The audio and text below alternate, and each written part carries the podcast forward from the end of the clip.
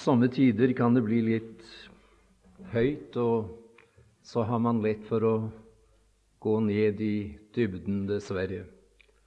Det er ikke så godt å passe på dette her. Nå vil jeg gjerne for det første gi uttrykk for takknemlighet over at jeg igjen fikk komme til Viavåg. Det er jo som eh, eh Caspersen nevnte til en åpning, ganske mange år siden sist vi var sammen her i dette lokalet. Og jeg må si at det har vært min bønn, og jeg forstår det har vært deres bønn, at denne bibeluken som er planlagt, den må være i Guds plan, og at vi må få gi noe fra Guds ord. Det er godt å bli minnet om de gamle sannheter. Sannhetene er gamle, men de kan bli nye og friske. De kan ta tak i oss, de kan gripe våre hjerter. Og det var det jeg skulle ønske med disse møtene. Skal vi fortsatt være i, bønn om det når vi sitter her nå? Og når jeg står her, så er det mitt ønske og min bønn nettopp dette at Kristus må bli forherliget. Jeg vil også gjerne si takk for de ordene vi hørte til en åpning. Jeg synes det var så fint. Det er merkelig hvor mange ganger man har lest dette avsnitt igjen og igjen og hentet velsignelse av det. Men det ble sagt her trone står for styrke. Og jeg synes det Vel, man har tenkt over det før, men det gjorde meg så godt å høre nettopp det. For det er styrke vi trenger når vi er her i skrøpelighetens verden. Kanskje mer enn noe annet har vi behov for styrke. Og det er godt det er et sted hvor vi kan hente den styrken. Daglig, stadig, under hele reisen. Likeledes, hvor godt var det ikke å høre sangen når vi en dag er hjemme. Det grep meg. Vi har aldri vært så nær den dagen, mine tilhører som vi er i aften. Snart er vi hjemme. Og vi, vi, taler om nåde, vi taler om nådestolen, vi taler om nådens trone. Men eh, hvor meget har vi erkjent av det når det kommer til stykket? Men eh, snart skal vi se det, erkjenne det fullt ut, hva nåde er. Det blir den dagen vi er hjemme. Da skal vi takke. Da skal vi juble over at vi er frelst av nåde. Og jeg liker så godt å si det på den måten. Det er blank nåde. Blank nåde. Blank nåde. Vi eh, har som eh, nevnt planlagt en bibeluke, og det ville da være godt Jeg, jeg sa det til Langåker at det ville være godt om du tok med i annonsen at, eller minnet folk om at de tok Bibel med. Og jeg håper du har Bibelen med. Det blir kanskje litt eh, eh, bibeltimemessig over det. Det vil jeg tro. Og det tror jeg er eh, det er et stort behov for i eh, dag. Emnet for denne aften og for denne timen, det er eh, åpenbarelsen av hemmeligheten. Vi prøver å holde oss innenfor det emnet. Det er jo et stort og rikt emne. Kristus og menigheten. Kristus og menigheten. Eh, og i dag, som sagt, åpenbarelsen av hemmeligheten. Vi slår da opp på Efesebrevet og leser der i det tredje kapittel. Efesebrevet kapittel tre. Vi eh, må ta med for sammenhengens skyld de tolv versene, de tolv første vers i Jesu navn. Derfor bøyer jeg mine knær, jeg, Paulus, Kristi Jesu fange, for eders skyld i hedninger, om I ellers har hørt om husholdningen med den Guds nåde som er meg gitt forræder, at Han ved åpenbaring har kunngjort meg hemmeligheten, således som jeg ovenfor har skrevet med få ord, hvorav, når jeg leser det, kan kjenne min innsikt i Kristi hemmelighet, som i de forrige tidsaldre ikke ble kunngjort for menneskenes barn, således som det nå er åpenbart for Hans hellige apostler og profeter i Ånden, at hedningene er medarvinger og hører med til legemet og har del med i løftet i Kristus Jesus ved evangeliet. Hvis tjener jeg blitt efter den Guds nådes gave som er meg gitt, ved virksomheten av Hans makt. Meg, den aller ringeste av alle hellige, ble denne nåde gitt å forkynne hedningene evangeliet om Kristi uransakelige rikdom og å opplyse alle om hvorledes husholdningen er med den hemmelighet som har vært skjult fra evige tider i Gud, som har skapt alt, for at Guds mangfoldige visdom nå ved menigheten skulle bli kunngjort for maktene og myndighetene i himmelen efter det forsett fra evige tider som Han fullførte i Kristus Jesus, vår Herre, i hvem vi har vår frimodighet og adgang med tillit ved troen på Ham. Amen.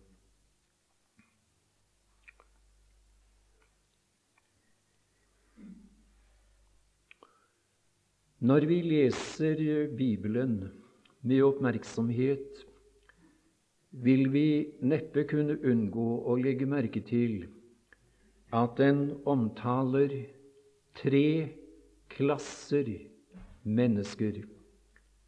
Det er tre grupper mennesker som er omtalt i Guds ord. Og jeg vil rent innledningsvis nå eh, peke på et vers hvor disse tre grupper er omtalt. Og det er første Korintiebrev. Vil du slå opp der? Første Korintiebrev, det tiende kapittel og det 32. vers. Første Korintiebrev 10, vers 32. Vær uten anstøt både for jøder og for grekere og for Guds menighet. Eh, ikke i denne Bibelen, men i den Bibelen jeg har hjemme.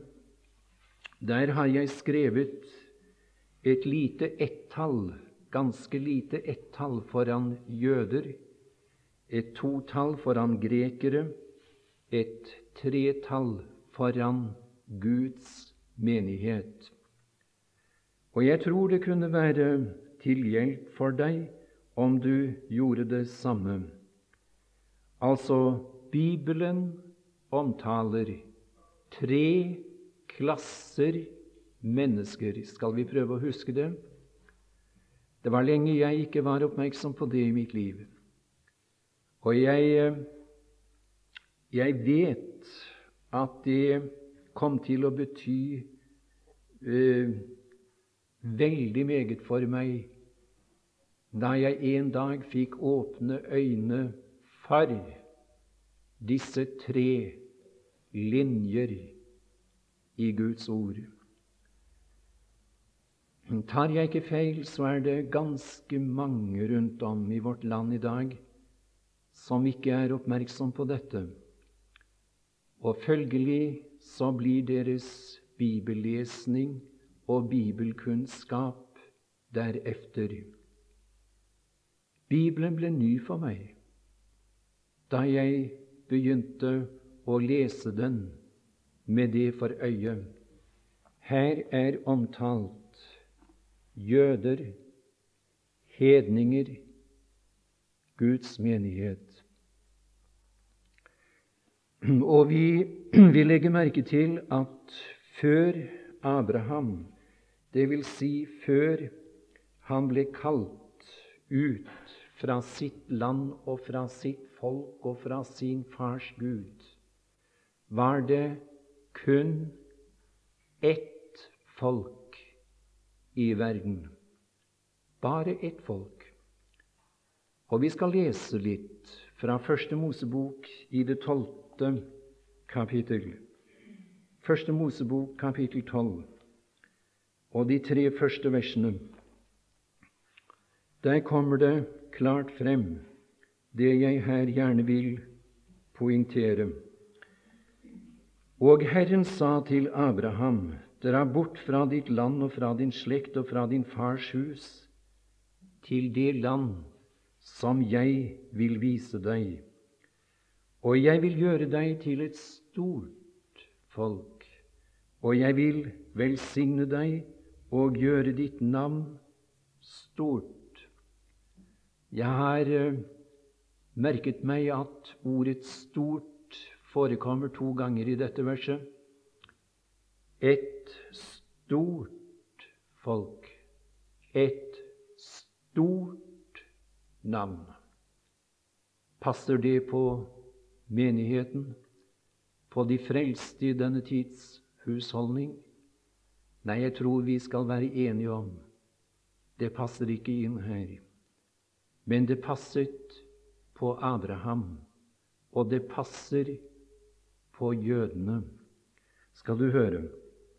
Jeg vil gjøre deg, vi gjentar, jeg vil gjøre deg til et stort folk, og jeg vil velsigne deg og gjøre ditt navn stort, og du skal bli en velsignelse. Og jeg vil velsigne dem som velsigner deg, og den som forbanner deg, vil jeg forbanne. Og i deg skal alle jordens slekter velsignes. Vi kan ikke gå nærmere inn på dette nå.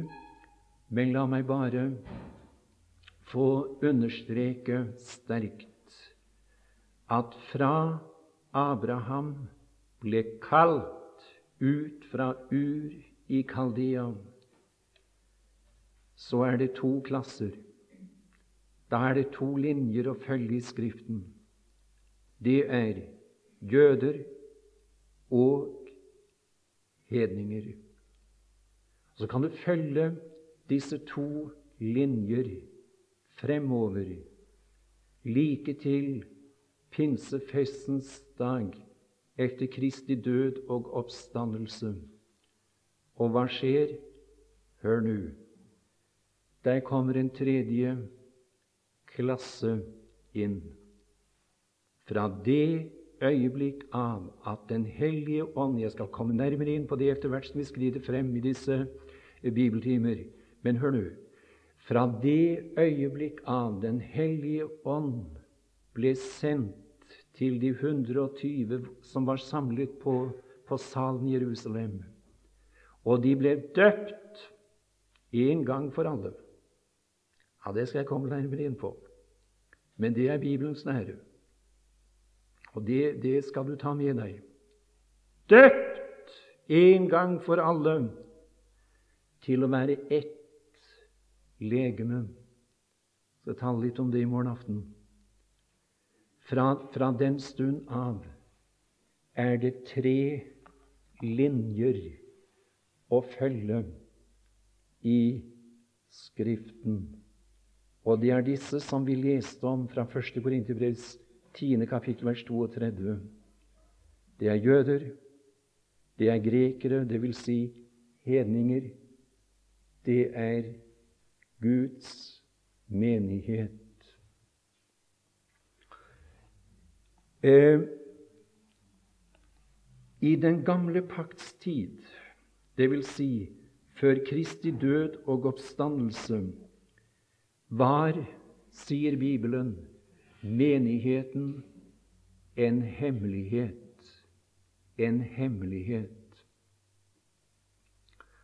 Og jeg tror det kan være godt at vi fester oss ved de uttrykkene som vi finner i denne sammenheng her i Efesbrevets tredje kapittel. Vi, vi leser igjen i det tredje vers. La meg bare peke på det ene ordet. Før jeg, før jeg eh, peker på disse uttrykkene, så, så har jeg lyst til å si at det har sin betydning hvorledes man merker Bibelen. Hvis du overhodet merker Bibelen, så skal du prøve å ikke streke under alt. Eh, jeg har sett i bibler rundt om på forskjellige steder hvor jeg har bodd. Og ja, det har falt seg slik at jeg kanskje har fått den uh, unge sønns eller datters værelse til disposisjon. Det hender ikke så sjelden. Og så ser du Bibelen til vedkommende ligge der. Og jeg må virkelig innrømme, da er jeg blitt fristet, og jeg har gitt efter for fristelsen til å titte litt i den Bibelen.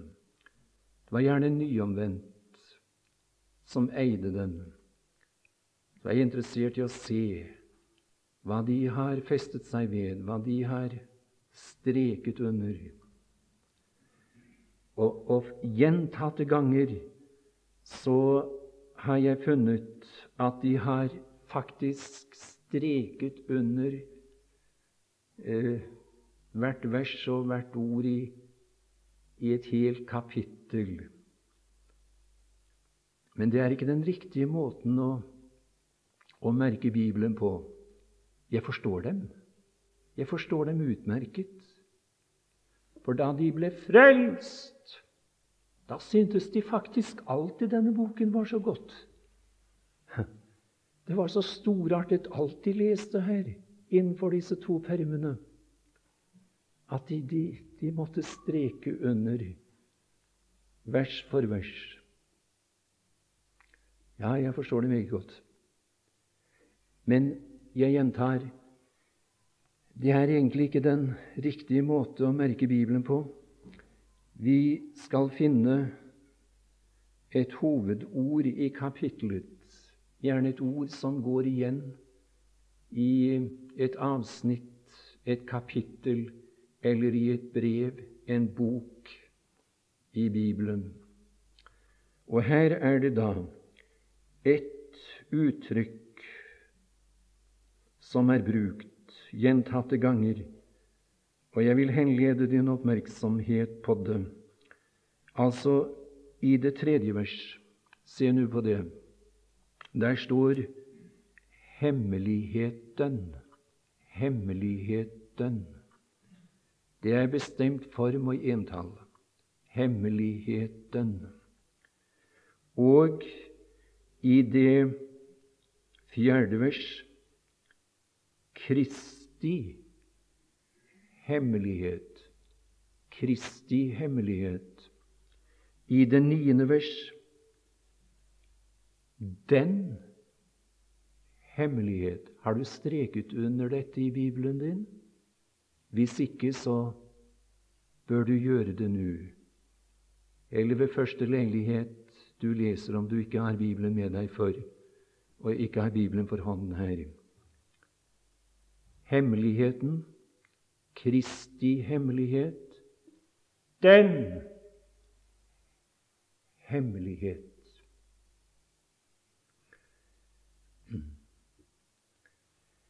I tidsaldrene før Kristi død og oppstandelse var sannheten om menigheten en hemmelighet, forteller dette kapittelet. Første gang vi finner menigheten omtalt i Guds ord, det er i Matteus evangelium, det 16. kapittel, og vi skal lese der Vi må ta med fra det 13. vers for sammenhengens skyld. Matteus evangelium 16 fra vers 13.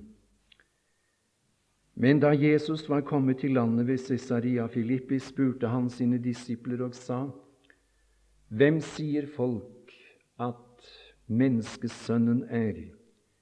De sa:" Noen sier døperen Johannes, andre Elias, andre igjen Jeremias eller en av profetene. Ja, det var folks mening. Folk i sin alminnelighet, de uttalte dette. De tenkte slik om ham. Eh, vi leser videre. Han sa til dem, til dem, hans disipler, nemlig Men I, hvem sier I at jeg er? Da svarte Simon Peter og sa, Du er Messias, den levende Guds sønn. Og Jesus svarte og sa til ham, Salig er du, Simon Jonas' sønn, for kjød og blod har ikke åpenbart deg det, men min Fader i himmelen. Hør du, når et menneske kan avlegge den bekjennelse om den Herre Jesus Han er Messias, den levende Guds sønn, så har det bare én årsak. Det er at Faderen i himmelen ved Den hellige ånd gjennom Skriften har åpenbart dette for et menneske. Den dagen jeg fikk se Kristus som Guds sønn, som min personlige frelser, som den der døde for meg på Golgata kors, da sa jeg, du er den levende Guds sønn. Det er og skal være mitt vitnesbyrd inntil jeg en dag kan si det på bedre vis. Du er Messias, den levende Guds sønn. Så kommer vers 18, og det var det jeg spesielt ville eh, peke på. Og jeg sier deg at du er Peter, og på denne klippe vil jeg bygge min menighet, og dødsrikets porter skal ikke få makt over den. Jeg sier deg at du er Peter, og på denne klippe vil jeg bygge min menighet. Så er det noen som da vil få oss til å tro, og jeg tror det er viktig at vi stanser litt for dette det er de som vil få oss til å tro at det var på Peter menigheten ble bygget. Peter er menighetens grunnvoll, blir det hevdet. Gjerne er ikke det han sier her, da? Hva? Du er Peter, og på denne klippet vil jeg bygge min menighet. Tenk litt over det. Det vil sikkert være på sin plass å nevne at det er en merkelig bruk av ord i dette verset. Det står nemlig egentlig Og jeg sier deg at du er Petros. Prøv å ta med deg dette, du kan få bruk for det. Du er Petros. Petros, hva betyr det? Eh, det betyr en liten sten eller et, et lite stykke av klippen. Skal vi huske det? Skal vi ta med oss det? En liten sten, det er Petros. Et, et stykke av selve klippen. Petros, du er Petros.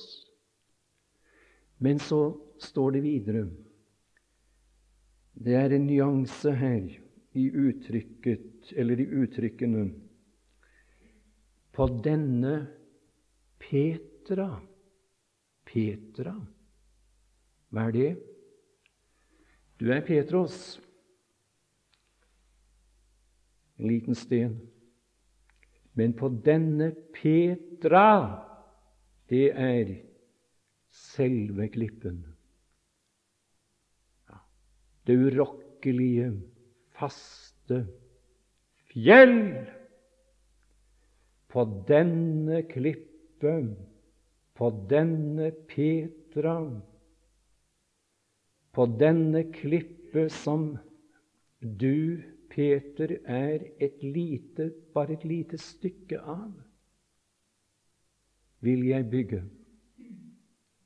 Ikke har jeg bygget, ikke bygger jeg, men vil jeg.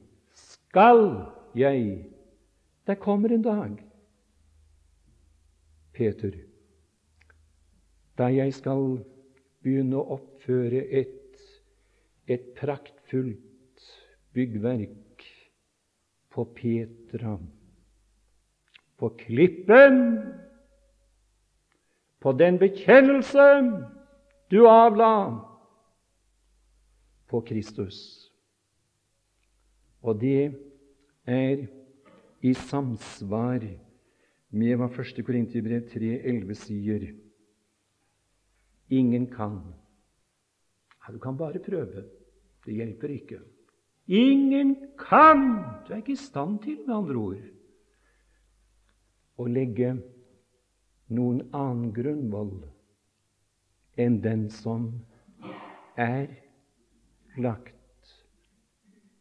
Det er Jesus Kristus. Jeg skal, jeg vil bygge min menighet på Petra, klippen. Og vi vet at det første vi foretar når vi skal reise en bygning, et byggverk, en bolig, det er å legge en solid grunnvoll. Ikke sant? Ja, det var slik det gikk for seg. Jeg har ikke begynt ennå, Peter. Nei da, det kommer en dag, og den er ikke langt unna. Da skal, da skal Peter legges, da skal, da skal klippen legges som grunn for et, et vidunderlig, et herlig, et strålende palats som jeg skal oppføre i denne verden. Han måtte dø først. Hans oppstandelse måtte skje først. Der var klippen, der var grunnvollen lagt. Så kunne man begynne å oppføre byggverket. At de begynte han? Han begynte 50 dager efter sin oppstandelse.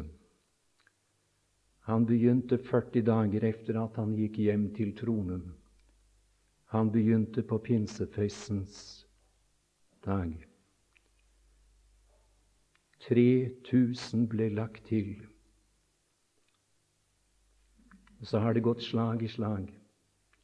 Så kom også den dagen da du og jeg ble føyet inn eller, eller lagt til menigheten bygningen.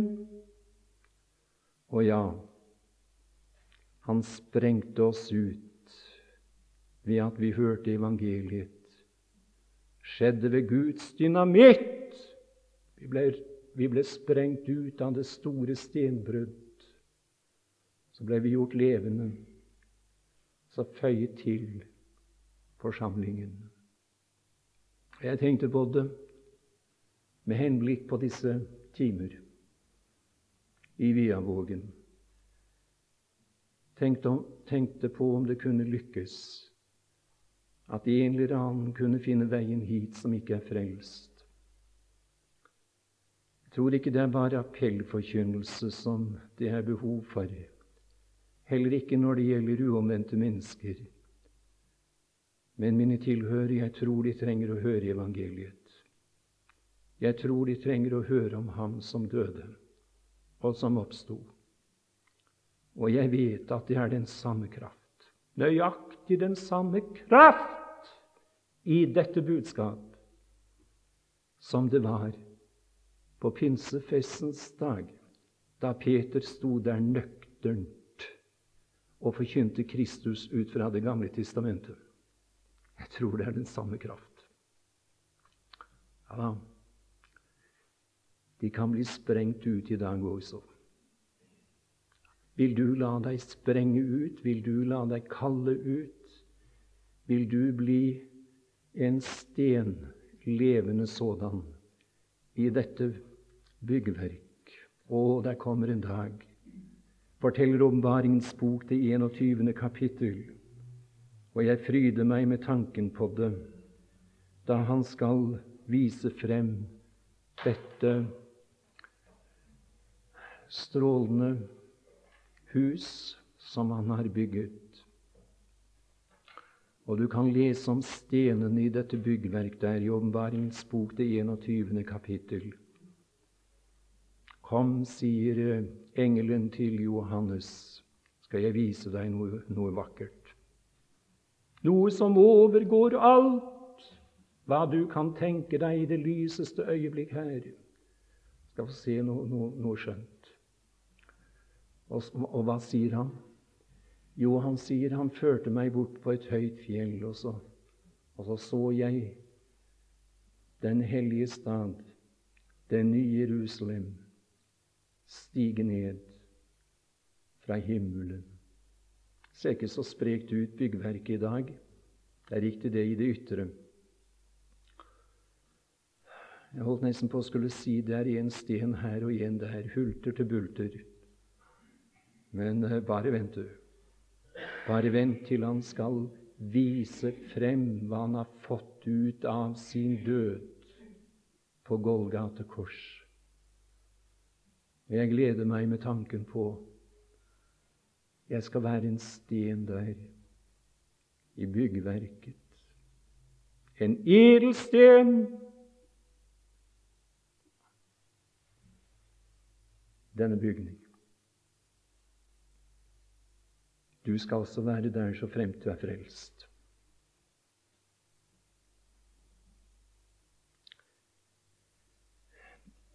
Det er imidlertid i Paulus' brev vi får det fulle lys over denne hemmelighet.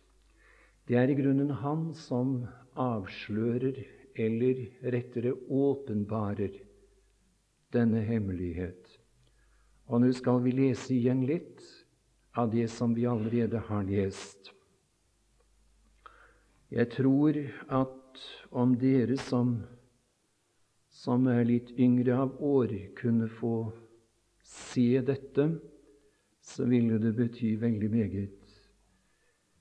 Både når det gjaldt deres personlige forhold til Gud, og likeledes når det gjaldt deres liv her i verden. Skal du høre han forteller i det tredje vers av kapittel 3 i Fesebrevet hvorledes det gikk til at han fikk se dette, at dette ble åpenbart for ham. Skal du høre? Jo, det skjedde ved åpenbaring, står her, at han ved åpenbaring har kunngjort meg hemmeligheten, således som jeg ovenfor har skrevet med få ord. Og Du kan se der i kapittel 2 at han taler om boligen, bygningen. En Guds bolig i Ånden, heter det blant annet. Og det skjedde ved en åpenbaring. En spesiell åpenbaring skjedde det ved. Så fikk jeg se det. Hemmeligheten. Kristi hemmelighet.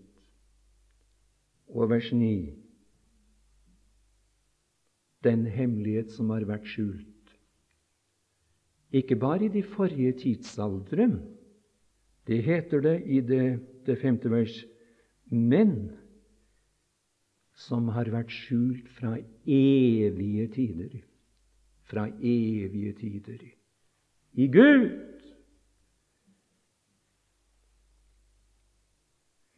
Menigheten var en virkelighet for Gud i evigheten, forteller dette vers meg.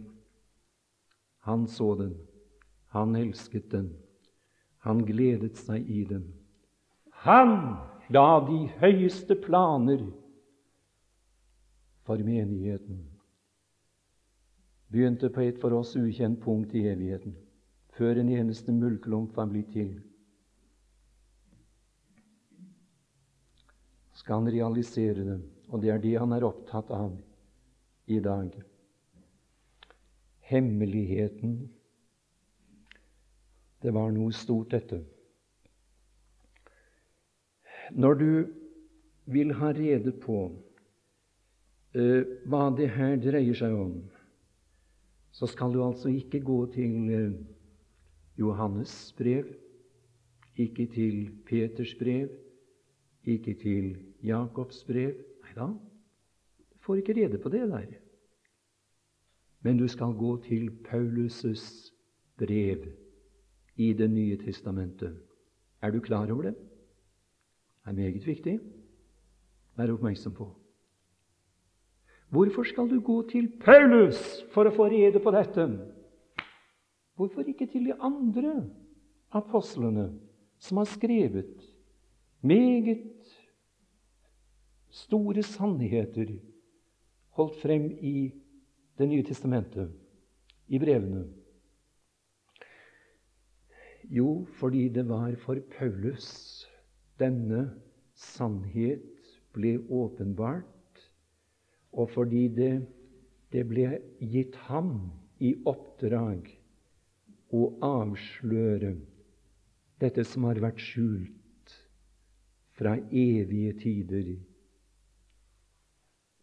i Gud. Det var hans oppgave.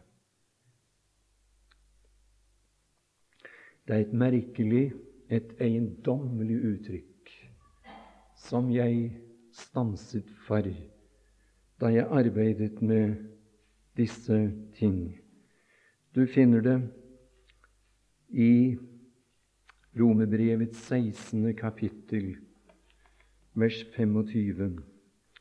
Romerbrevet 16, vers 25.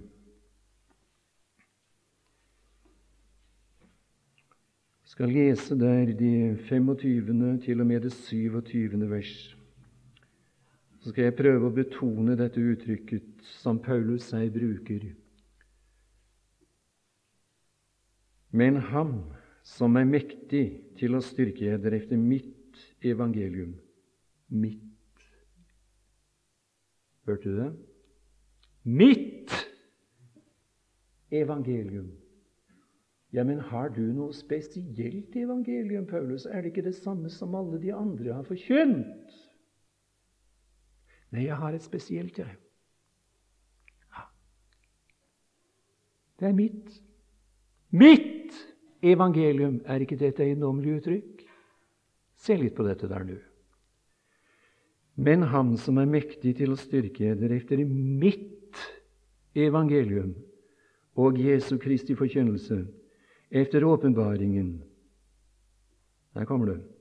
Der får du vite det, hva det hva det er han tenker på, hva det er som er hans spesielle evangelium. Åpenbaringen av den hemmelighet Det er menigheten, det er godt folk. Menigheten var skjult i Gud. Så ble det åpenbart for Paulus.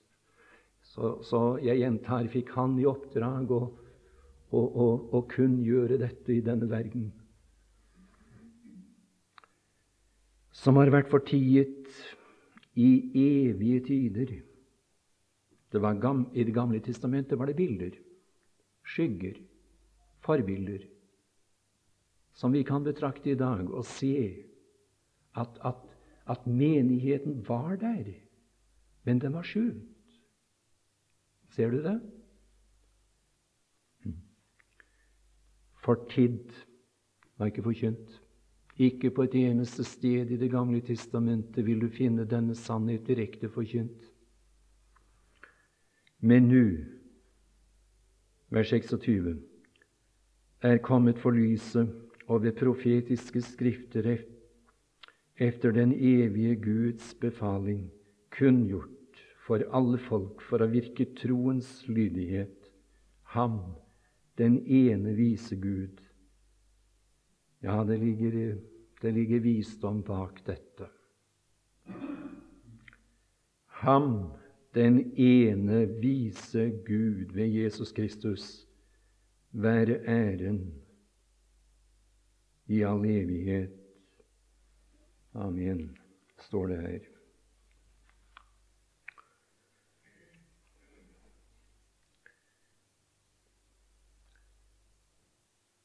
Paulus forkynte ikke bare at Kristus døde, ikke bare at Kristus sto opp fra de døde på den tredje dag. Ikke bare at han gikk hjem og inntok plass ved tronen som vår ypperste prest, som vår talsmann og forbeder. Han forkynte noe mer. Han forkynte sannheten om menigheten. Menigheten. Og han sier i Kolossensebrevet Vi slår opp på Kolossensebrevets første kapittel og leser deg fra det 24. vers. Nå gleder gleder jeg meg over mine lidelser for eder og utfyller i mitt kjød det som ennå fattes i Kristi trengsler, for Hans legeme, som er menigheten. Visst tjener jeg blitt efter den Guds husholdning som er meg gitt iblant eder det vil si å fullføre. Her skal vi stanse litt. Vi skal ikke gå for hurtig nå. Se nå på det. Det vil si å fullføre. Jeg fikk en tjeneste, sier han, var å åpenbare hemmeligheten. Og i og med at jeg åpenbarte denne hemmelighet, så fullførte jeg noe. Hva var det jeg fullførte? Jo, det vil si å fullføre. Ja, tenk om vi hadde vært klar over dette. Da ville vi blitt bevart fra, fra mange fall, eh, påvirkning av mange falske retninger i dag. Det kan du være viss på i og med at han åpenbarte sannheten om menigheten, så la han toppstenen på den guddommelige åpenbaring. Ja. Det er fullført. Det er skjedd. Det er komplett. Vi har det her nå. Du sier, er det, ikke, er det ikke mer som er gitt oss? Ble det ikke skrevet meget efter at Paulus opphørte å skrive, ganske riktig, Åpenbaringens bok, f.eks. Åpenbaringens bok ble skrevet, så vidt jeg vet, i år 95 etter Kristus. Men legg merke til at det du finner der i Åpenbaringens bok, det er egentlig noe som du også finner, i hvert fall for en stor del, i Det gamle testamentets skrifter. Det var for så vidt ikke noe nytt i den forstand. Han fullførte det, han. Da han åpenbarte sannheten, som vi her er inne på. Hemmeligheten, menigheten, vil si Kristus og menigheten.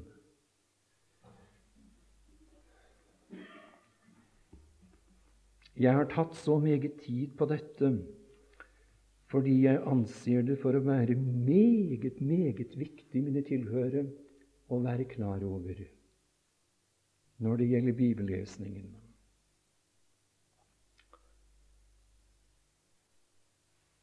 Før jeg går ned, vil jeg bare peke på hva denne hemmeligheten var.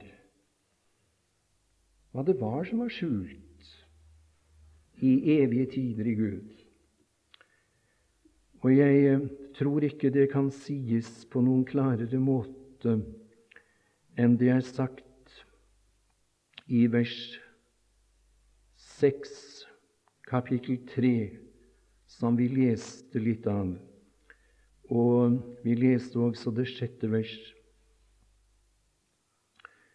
At hedningene er medarvinger og hører med til legemet og har del med i løftet i Kristus Jesus ved evangeliet.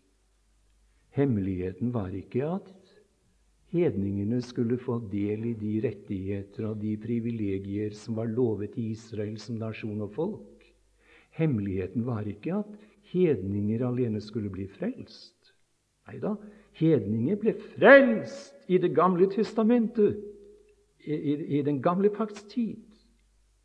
Det er ganske klart. Men hemmeligheten var at, at hedninger så vel som jøder. De skulle bli forenet ved troen på Kristus til å være ett legeme. Og det skal vi se litt på i morgen aften, hva det betyr for oss.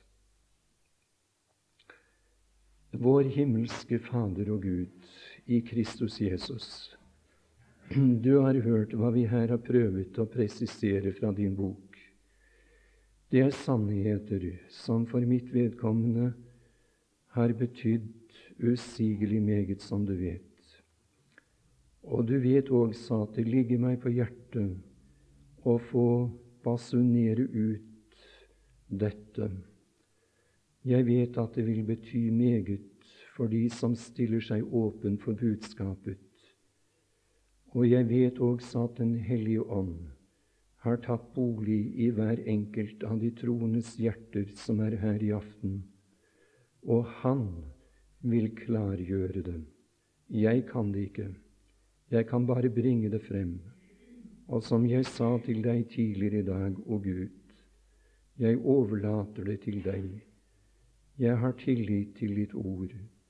Jeg bringer det frem i forvissningen om at den ånd som er sannhetens ånd, og som vil veilede oss helt frem, han skal klargjøre disse vidunderlige ting for oss.